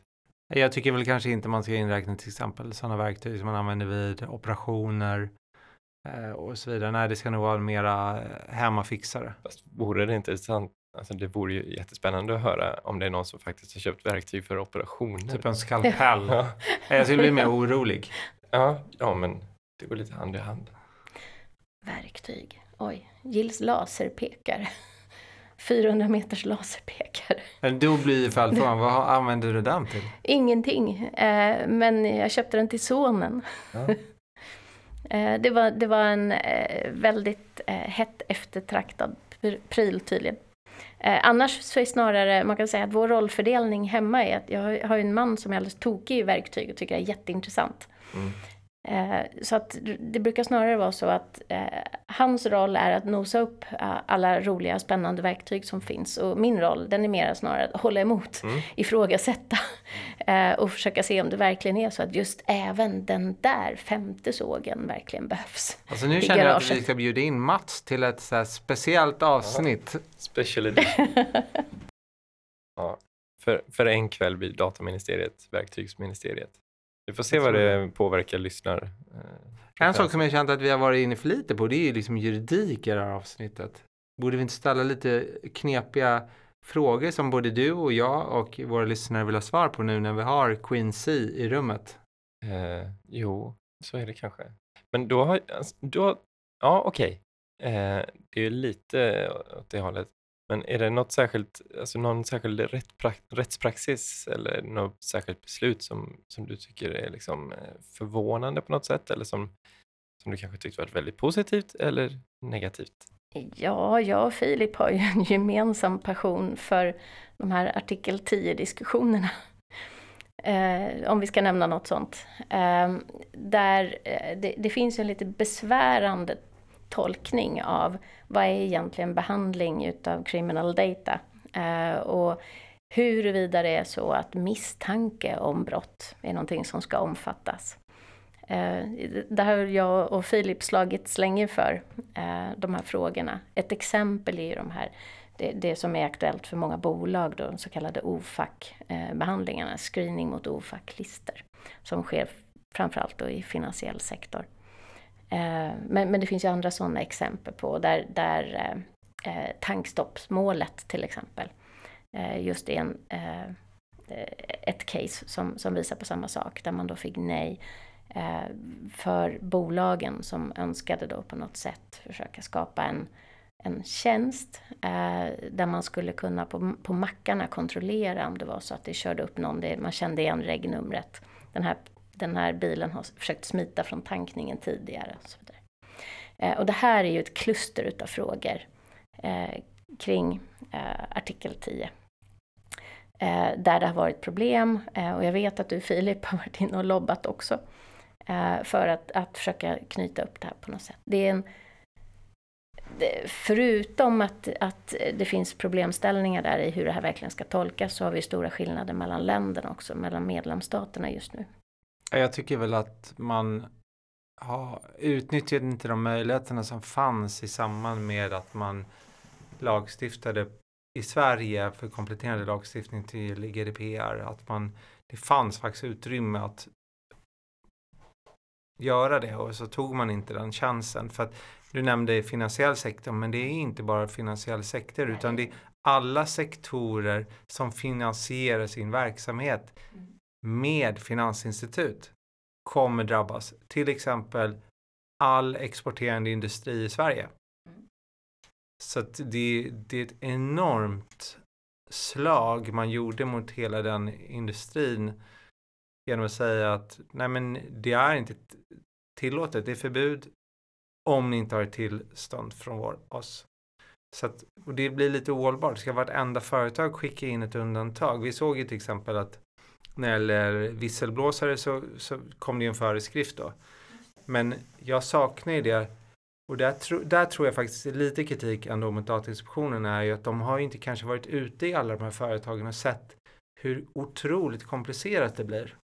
Hade de varit det hade de nog kunnat formulera en föreskrift som är så pass begränsande att man tillät det som behövs men inte mer. Mm. Nej, jag, att man ska nog inte starta mig för att prata om artikel 10 för då kommer jag inte Nej. sluta. alltså så mycket jag har jobbat med den i mina dagar. Så ja, jag tror att, jag vet ju som sagt att, och jag gjorde ju mitt bästa eh, i, i samband med utredningen där. Eh, för att också försöka adressera de här frågorna. Så blev det lite bättre då. Det blev lite eh, i, bättre. I proppen. Eh, men, men eh, det här är fortfarande ett problem. Men vad som är lite oroande tycker jag är att det här har ju länge, eh, det har uppfattats som eh, en svensk problematik. Men man ser tecken på nu att det kanske sprider sig. Eh, så att i själva verket så går andra medlemsstater så att säga mer åt vårt håll och skulle på motsvarande sätt uppfatta det här som att artikel 10 är bredare. Ehm, och, och då har vi ett gemensamt bekymmer då i alla fall. Med flera andra jurisdiktioner också. Men det skulle vara väldigt intressant att få upp lite ärenden eller domstolsbeslut faktiskt för att se håller den gamla praxisen verkligen mm. tankstoppmålet tydligt eller vi har ju några andra liknande ärenden där man har sagt att till exempel enbart beskrivning av ett händelseförlopp mm. som då skulle konstituera ett brott. Det som Filip Jonsén körde 110 på en 90-sträcka. Det, om jag tolkar det rätt, så var i den gamla praxisen så utgör det uppgifter om brott. För att det, jag är identifierad, jag utförde en handling i verkligheten som var ett brott. Mm. Fast det fanns ju något uttalande där eh, i en äldre propp och sen också eh, eh, citerat i den gamla så, eh, kommentaren till PUL. Där eh, det ändå, om man istället för att säga att Filip Jonsén, du körde i 110, men de hade sagt att Filip Jonsén körde mellan Stockholm och Göteborg på ja, tre timmar. Eh, I ett sånt läge så hade det kanske varit okej. Okay. Eh, och det är också en lite märklig bedömning. Eh, så att det har funnits vissa möjligheter, i vart fall om man tittar på hur det har sett ut i doktrinen. Då. Men det har inte slagit igenom. Nej, och det är väl också det att det är lite som ett tvegat svärd för om man går in för hårt, tror jag, många bolag, så avslöjar man vad man gör Om man då får nej så måste man sluta med det. Medan så länge man inte går in och ansöker om tillstånd så har man ju ett visst tolkningsutrymme själv. Mm. Så det, man har hamnat i en väldigt konstig situation. För det jag är övertygad om att många bolag gör den här typen av slagningar. För jag menar de här listorna som vi pratar om, OFAC, olika pepplistor och allt möjligt. eh, De ligger ju på nätet. Helt öppet. Det är Mm. bara att läsa. Vem som helst kan gå in och läsa dem. Mm. Fast då hamnar vi i en annan spännande diskussion om huruvida det är så. Vad händer? Kan vi behandla fritt informationen som ligger öppen? Ja, Ja, det, den, var gränsdragningen går för din egen behandling. Om du bara, om du är anställd på ett bolag, öppnar sidan från USA där OFAC-listan är och bara läser på din skärm. Mm. Sen stänger du ner igen. Mm. Och fortsätter att göra det manuellt. Men OFAC-listan är ju på ungefär 600 sidor tätt skrivet. Så att, eh, du har en del att göra då om du ska göra de här kontrollerna manuellt också. Ja, Jag läser ju väldigt långsamt dessutom. Attans. Du är också väldigt effektiv har du sagt tidigare. Ja, men alltså jag läser väldigt långsamt, men jag läser väldigt lite. Ja. Läser på rätt ställe med en gång. Ja, jag försöker att undvika att läsa. Jag, jag säger att om, om man behöver mer än tre sidor och skriva något, då är man inte tillräckligt fokuserad. Det, det räcker med tre sidor att beskriva nästan vad som helst. Jurister skriver ju ofta så här 30-40 sidor om en fråga som borde kunna avverkas på två. Sa du Mm. det när du skrev din uppsats också? Det, här, det, här, det måste räcka med tre sidor. Jag gjorde säkert det, men sen skrev jag väl 50-60 sidor. Eller vad det nu var. Jag kommer inte riktigt ihåg. Jag, en sak är jag helt säker på, ingen har läst min uppsats efter den var klar. Nej. Jag började läsa min egen och det, skulle, det ska man inte göra. Jag rekommenderar ingen att göra det. Att läsa i Din uppsats? ja, ja, nej, i och för sig, jag kanske rekommenderar andra att läsa den. Som har överseende med eh, mina misstag i den. Men det är retfullt att slå upp första sidan och se ett litet stavfel eller någonting med en gång. Nu kommer jag på att jag har skrivit en bok och håller på att skriva en till. Då ska jag bara säga, de är ju över tre sidor långa. Men du skriver dem tillsammans med någon annan, väl? Är det inte så? Jo, Det kanske är du som har skrivit tre sidor då? ja, jag har skrivit tre sidor. Ja. Jag skriver om den av punchlines hela tiden bara. Ja, det blir toppen. Klart läsvärda böcker helt enkelt. Och Caroline, du har Det också kan jag skrivit en bok. intyga. De rekommenderas, Philips böcker. Och Caroline, du har också skrivit en GDPR-bok. Mm. Plötsligt så, så blev vi alla lite till mans författare tror jag. Eh, Men, men det är så, det fanns ju eh, ett tag där ett visst behov av att faktiskt gå ut med och försöka hitta den vägledning man kan. Ehm, och, och just eftersom då som jag sa förut att jag har ju försökt just eh, hitta på något sätt hur, hur jag kan förmedla det här som är utöver att man ska göra de juridiska tolkningarna. Men att det också handlar om alltså, tillämpat dataskydd är, är ju egentligen en helt egen disciplin. Eh, hur gör vi det här rent praktiskt? Även om vi sen har löst de juridiska knutarna, men hur går vi vidare och får in det här i organisationerna? Så det var ju en tanke där då att, att försöka bidra även i den delen. Det tycker jag är intressant för man går fortfarande på en del seminarier så börjar de med lagstiftningen. Och jag diskuterade med en kollega bara häromdagen, vi var på ett seminarium och så hade de börjat i lagstiftningen. Bara, Men alla kan lagstiftningen idag, vi är inte intresserade av det, vi är inte ens intresserade av att höra om rättsfallen. Vi är intresserade av hur har ni löst den här specifika frågan? Just det. Hur tänkte ni? Hur gjorde ni en D-PIA för bakgrundskontroller? Ja. Det är det vi vill veta. Det ska vara ner väldigt långt nu för att Mm. det ska bli intressant. Mm. Ja, men det ligger väl någonting i det. Eh, För just som du säger, lagstiftningen och sådär, det, det är ju faktiskt någonting som alla kan läsa sig till. Mm. Eh, och sen är det ju mer det här som är hands-on, hur man gör det. Men där Just har jag för mig att du eh, pratat om champinjoner eller champions. Eh, Champinjoner. Ja. Eh, vi hade Data Protection Champions som vi lanserade för ett antal år sedan då på, på Klarna. mm. Eh, bland annat. Jag har, jag har eh, länge tyckt att det här är viktigt. Sen om vi talar om Privacy Champions eller Privacy Ambassadors eller vad vi nu, kontaktpersoner eller POX eller SPOX eller annat. Men men att just eh, arbeta på det viset. Jag, jag, tror fullt och fast på att, att dataskyddet mycket löses i praktiken liksom underifrån i verksamheterna.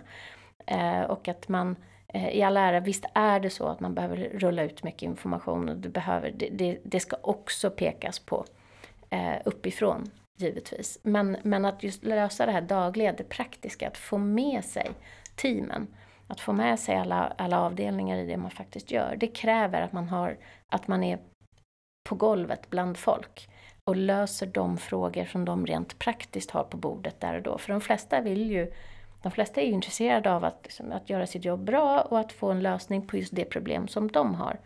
Eh, om det nu är en produktägare eller om det är en HR-person eller om det är en säljare eller vad det nu än är. De, det, där och då. Eh, och därför så, så har jag ju länge trott att det är viktigt att man då jobbar just med de här, att det, att det finns, det behöver inte vara dataskyddsspecialister, men att det finns i alla fall points of contact. Någon som har fått lite extra utbildning, som vet var informationen finns, som är en snabb kanal upp till vem det nu är som är ansvarig för dataskyddet ytterst och så. Det har visat sig vara väldigt viktigt. Och det tycker jag tydligt ser eh, i de verksamheter som jag stöter på idag. Om det är så att det finns en tydlig skillnad där. Om man har det, den typen av liksom utrullat nätverk eller inte. Mm. Ja, det skapar ju också möjlighet till eh, awareness, tänker jag, hos just alla de här smågrupperna då. Eller ja, hur man nu, ja, men hur nu verksamheten än är organiserad. Eh, att man får liksom, ja men ambassadör är väl ett väldigt bra uttryck egentligen. Man får då någon som kan, mm. liksom, ja, som du sa Filip, stå på barrikaderna. Men det kanske ombud ska bli ambassadör, dataskyddsambassadör? Då har vi löst termen också. Det här är helt otroligt. Eller konsul. Jag har några andra frågor, korta frågor. Uh, ja, korta, korta. Måste man ha kostym på advokatbyrå? Om man är man? Ouch. Nej, det tycker jag absolut inte. Um, jag tycker att man ska uh, klä sig på det sätt som man är bekväm i. Uh, sen är det ju ofta så att det beror, det beror på uh, vilka man ska träffa, vad det är man ska göra. Men om man tittar på hur det ser ut upp hos oss så, så skulle man gå runt där bakom så hittar man ju många som sitter i jeans eller annat. Man, man ska kunna vara flexibel. Men är det någon som fortfarande använder slips? Absolut, det, det finns ju det också. men de är inte riktigt lika många idag. Det har hänt något de, de sista åren. Det tycker jag låter bra. Är det någon som använder shorts? Det, tror det, jag inte okay? att jag, det tror jag inte att jag har sett några i, på det. i korridorerna kanske. Hur känner du för det här med flygstress? Ah, jag blir stressad av att flyga.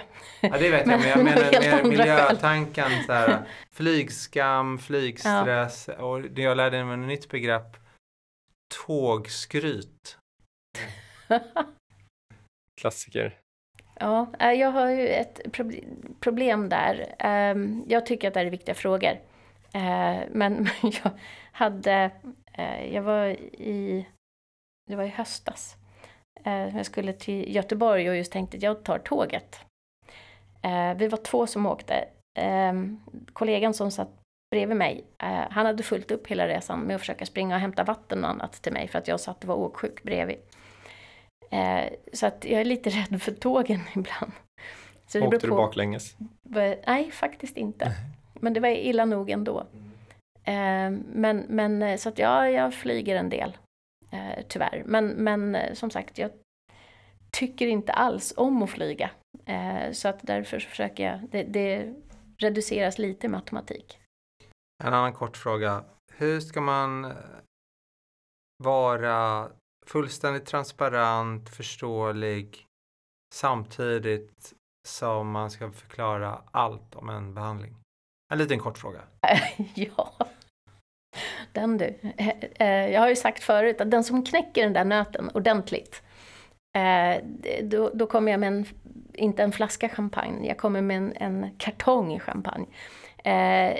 Det är, tycker jag, en av de stora viktiga frågorna som, som vi har. Och det finns ju hur många lösningar som helst på allt från privacy ninjas till ja, och inspelade videos till massa konstiga layered approaches och så vidare. Eh, den är jättesvår och jätteviktig. Jag skulle önska att det satt en hel hoper med produktägare, smarta produktägare som sitter och försöker fundera på det här och knäcka någon bra lösning. Det är lite roligt för att när var det parlamentet som föreslog de här ikonerna? Eller var det den Ja. kommissionen? Nej, ja, det var parlamentet. parlamentet. För då jag skrattade åt dem och tyckte att det här är det mest idiotiska någon har sagt. Men nu börjar jag känna att Ja. Ja, det är kanske inte så dumt ändå. Nej, nej. Medan precis. jag tycker kanske inte att de ska vara bestämda utifrån EU, men att börja ha lite mer symboler och sånt i en Mm. dataskyddspolicy information tycker jag, det kanske inte är så dumt. Lite grann som en cookie idag är det bara text. Om man istället skulle ha några bilder där som förklarar det, eller en siffra typ så här, ja vi har fem, vi delar med 15 externa tredjeparter. Istället är det man någon text och sen ska man klicka vidare. Varför, varför står det inte direkt vad folk gör? Mm. Ja, men, och, och det är så, om man tänker på det här med awareness och training och så vidare, det, alltså den information som ska spridas i organisationerna idag. Eh, där har man, i alla fall i en del organisationer, kommit så långt så att man har förstått att, att vi alla, vi är individer, vi lär oss olika, eh, vi uppfattar olika, vi kommer ihåg olika. Så att man har liksom olika tekniker. Vissa har Eh, det, det är så, förstås så har man de vanliga lektionsdiskussionerna eh, så att säga, där man, där man lämnar så att säga, sedvanlig undervisning. Men man har också annan typ av awareness och det är lunchföreläsningar. Och det är skriftlig information på, på webben eh, eller på intranätet. Och det är tokiga affischer på, på insidan av dörrarna till toaletterna. Och det är gimmicks på, på, på eh, skrivbordet. Det finns massa, en uppsjö med så här, tips and tricks för att liksom på olika sätt nå ut till folk därför att alla anställda är så olika och lär sig olika. Men sen när vi kommer till användarna, då har man ett format. Och det är en integritetsskyddspolicy.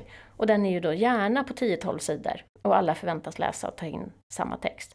Där finns inte alls den här flexibiliteten för det är ju otroligt stor skillnad såklart på om det är vi tre som sitter och läser en text eller om det är min 14-åriga dotter som sitter och ska försöka ta in vad som händer. Eller om det är 75-åriga mormor. Eh, det är så helt olika förutsättningar. Men det har man än så länge, i alla fall inte vad jag har sett, eh, tillämpat även i informationsgivningen. Jag brukar ha det i numera i presentationer, en graf där X och Y-axeln är intresse på en och typ insikt, kunskap om dataskydd på den Ja. andra. Och ju högre upp man kommer på den här grafen som går mitt i, desto större blir bubblan av information man bör lämna. Så, om man har Mm. lite förståelse och litet intresse, då ska informationen vara jättekortfattad. Ja. Men det, Några kanske är symboler ikoner, kanske. symboler. Mm. Men ju högre upp man kommer, desto djupare ska man kunna gå i frågorna. Pre- precis, och det är en jättebra graf, jättebra exempel. Eh, men den anpassningen är vi ju ganska långt ifrån än så länge eh, idag. Eh, och, och det skulle vara fantastiskt eh, om, om vi kunde få, därför där, där tror jag att det sitter en väldigt stor knut. Eh, för det är ju ändå så att vi säger att vi, eh, det här handlar om, eh, det, det är rättigheter för individerna och det, det är en mänsklig rättighet i grunden och så vidare. Men vi är så dåliga på att uttrycka vad det faktiskt är vi gör. Jag kommer ihåg för några år sedan, eller ganska många år sedan, då hade BBC, de gjorde faktiskt en film som var deras dataskyddsinformation. Men jag har inte lyckats hitta tillbaka till den, men jag såg den då. Det var en rolig så här, dansande gubbe som sjöng om vad de gjorde med uppgifterna och hur de gjorde. De hade ju, det var väl någon serie det där tror jag, för de, gjorde, de hade ju bland annat någon reporter som, eh, han skulle till, han skulle, jag kommer inte ihåg det här riktigt, men eh, han skulle tillbringa en vecka tror jag med att inte eh, varje tjänst eller varje eh, plattform han gick in på eller varje app han använde så skulle han först läsa om den och förstå det. Eh, vilket slutade med att han satt ju bara och läste hela tiden. Eh, så att, jag tror att de gjorde en, en mängd sådana olika inslag i, i den där serien. Just symboler tycker jag är, det, det skulle jag tycka var väldigt bra. Eh, om vi går tillbaka till telefonerna så alla vet ju att ett kugghjul eller en, vad det kan vara, skiftnyckel eller något, ja men just det, det är inställningar. Ja. Mm. Jag behöver inte ens kunna läsa vad det som står där, men jag vet att den där symbolen, den tar mig dit jag ska på något vis. Och det borde ju inte vara så svårt. Men det är inte så lätt eh, heller. Nej. Alltså, att skapa någon ikon eller symbol. För helst skulle ju alla använda samma bildspråk, tänker jag. Mm. Um, och det är väldigt svåra. Men sen har vi har ju också den här integritetsparadoxen generellt. Alltså att vi just än så länge i alla fall, eh, att, att vi har ett ganska stort glapp med, utifrån vad vi tycker, att, hur vi hanterar det här, vad som är viktigt för oss och så vidare. Jag sitter, jag sitter och tänker på nu när du nämnde det här att eh, nu tappade jag namnet på, jag kommer inte ihåg vad de heter nu. Det fanns ett eh, företag som för ett par år sedan i, i London gjorde ett test. Eh, där man hade eh, man kunde då gå in och, och handla saker i en butik, en pop-up store. Eh, men man betalade inte med pengar, utan man betalade med personuppgifter. Eh, och sen kostade det då olika mycket beroende på om man köpte en penna eller om det var en mugg eller om det var en hel t-shirt eller kanske till och med en hoodie. Och så var det en skala då på hur många personuppgifter man skulle lämna ifrån sig. Och då blir det så otroligt tydligt på en gång för folk. Man skulle gärna vilja se lite mer utav det där här. Eh, att, eh, ja, ja, men jag kan ju tänka mig att lämna ifrån mig några enkla uppgifter från min telefon eh, för att få den där pennan. Men det svider ju rätt duktigt om man säger att ja, fast ska du köpa en t-shirt då, måste du, då, då ska vi få tillgång till din telefon och vi ska själva få välja vilka uppgifter vi vill hämta ur din telefon. Äh, då blir det mycket jobbigare direkt. Eh, det är ett otroligt spännande sätt tyckte jag att, att, att visa eh, vad som verkligen händer och försöka få, eh, få upp ögonen. Det körde jag på några utbildningar att jag typ jag kan man väl säga om att det första typ sådana här precis man har presenterat vad man heter så ska man få upp så här attention och visa varför det är så viktigt så säger man så här, ja men här har jag mitt, ett program på min dator med en slabb så vem som helst får komma fram med sin telefon så tittar vi i den gemensamt på dina Mm. bilder, på vilka kontakter du har, vad du skickar för sms. Och det, bara för att visa så här, ingen kommer ju fram. Nej, Samtidigt Just. som man säger, jag har ingenting att dölja. Nej. Nej men om ni inte har något att dölja, kom fram och sätt i telefonen så tittar vi på allting ihop. så att det är när man ställer det på sin spets så där som det blir så tydligt. Eh, och det är väl lite grann mer av det man skulle vilja se. Eh, det, det tycker jag, jag skulle vilja se det både, både i skolorna så att de börjar förstå. Eh, och jag skulle vilja se det även från Datainspektionen och, andra. Man behöver ute i samhället få upp den här förståelsen.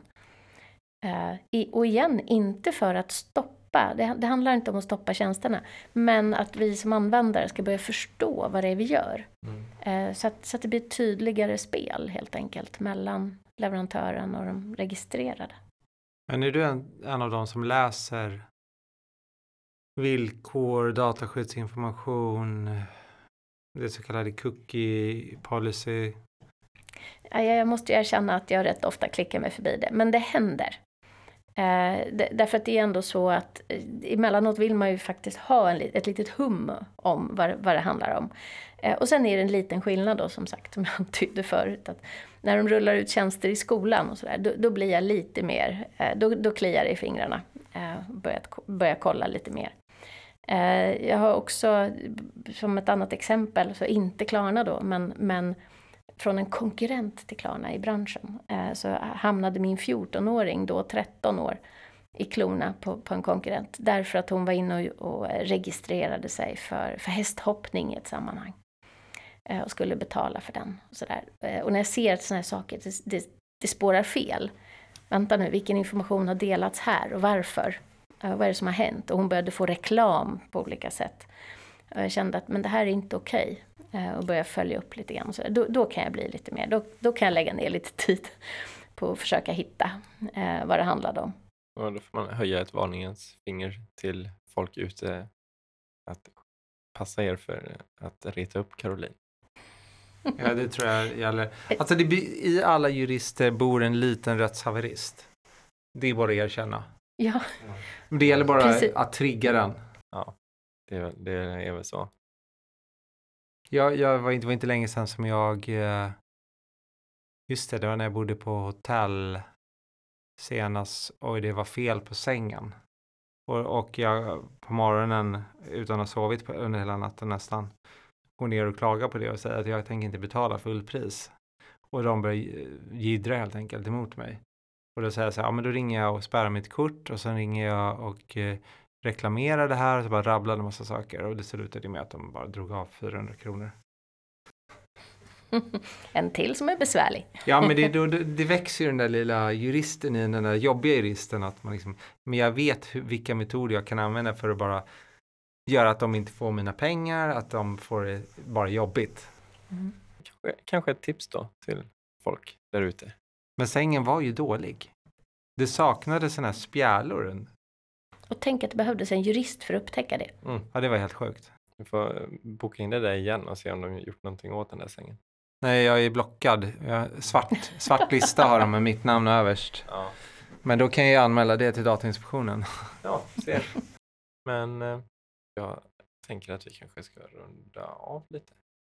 Ja, varför inte? Stort tack Caroline för att du ville vara med i Dataministeriet. Stort tack för att jag fick möjligheten att, att komma hit och ytterligare då få tillbringa lite tid med att tala om dataskydd. Tackar. Ja, och tack alla ni som lyssnar för att ni lyssnade. Ha det gott.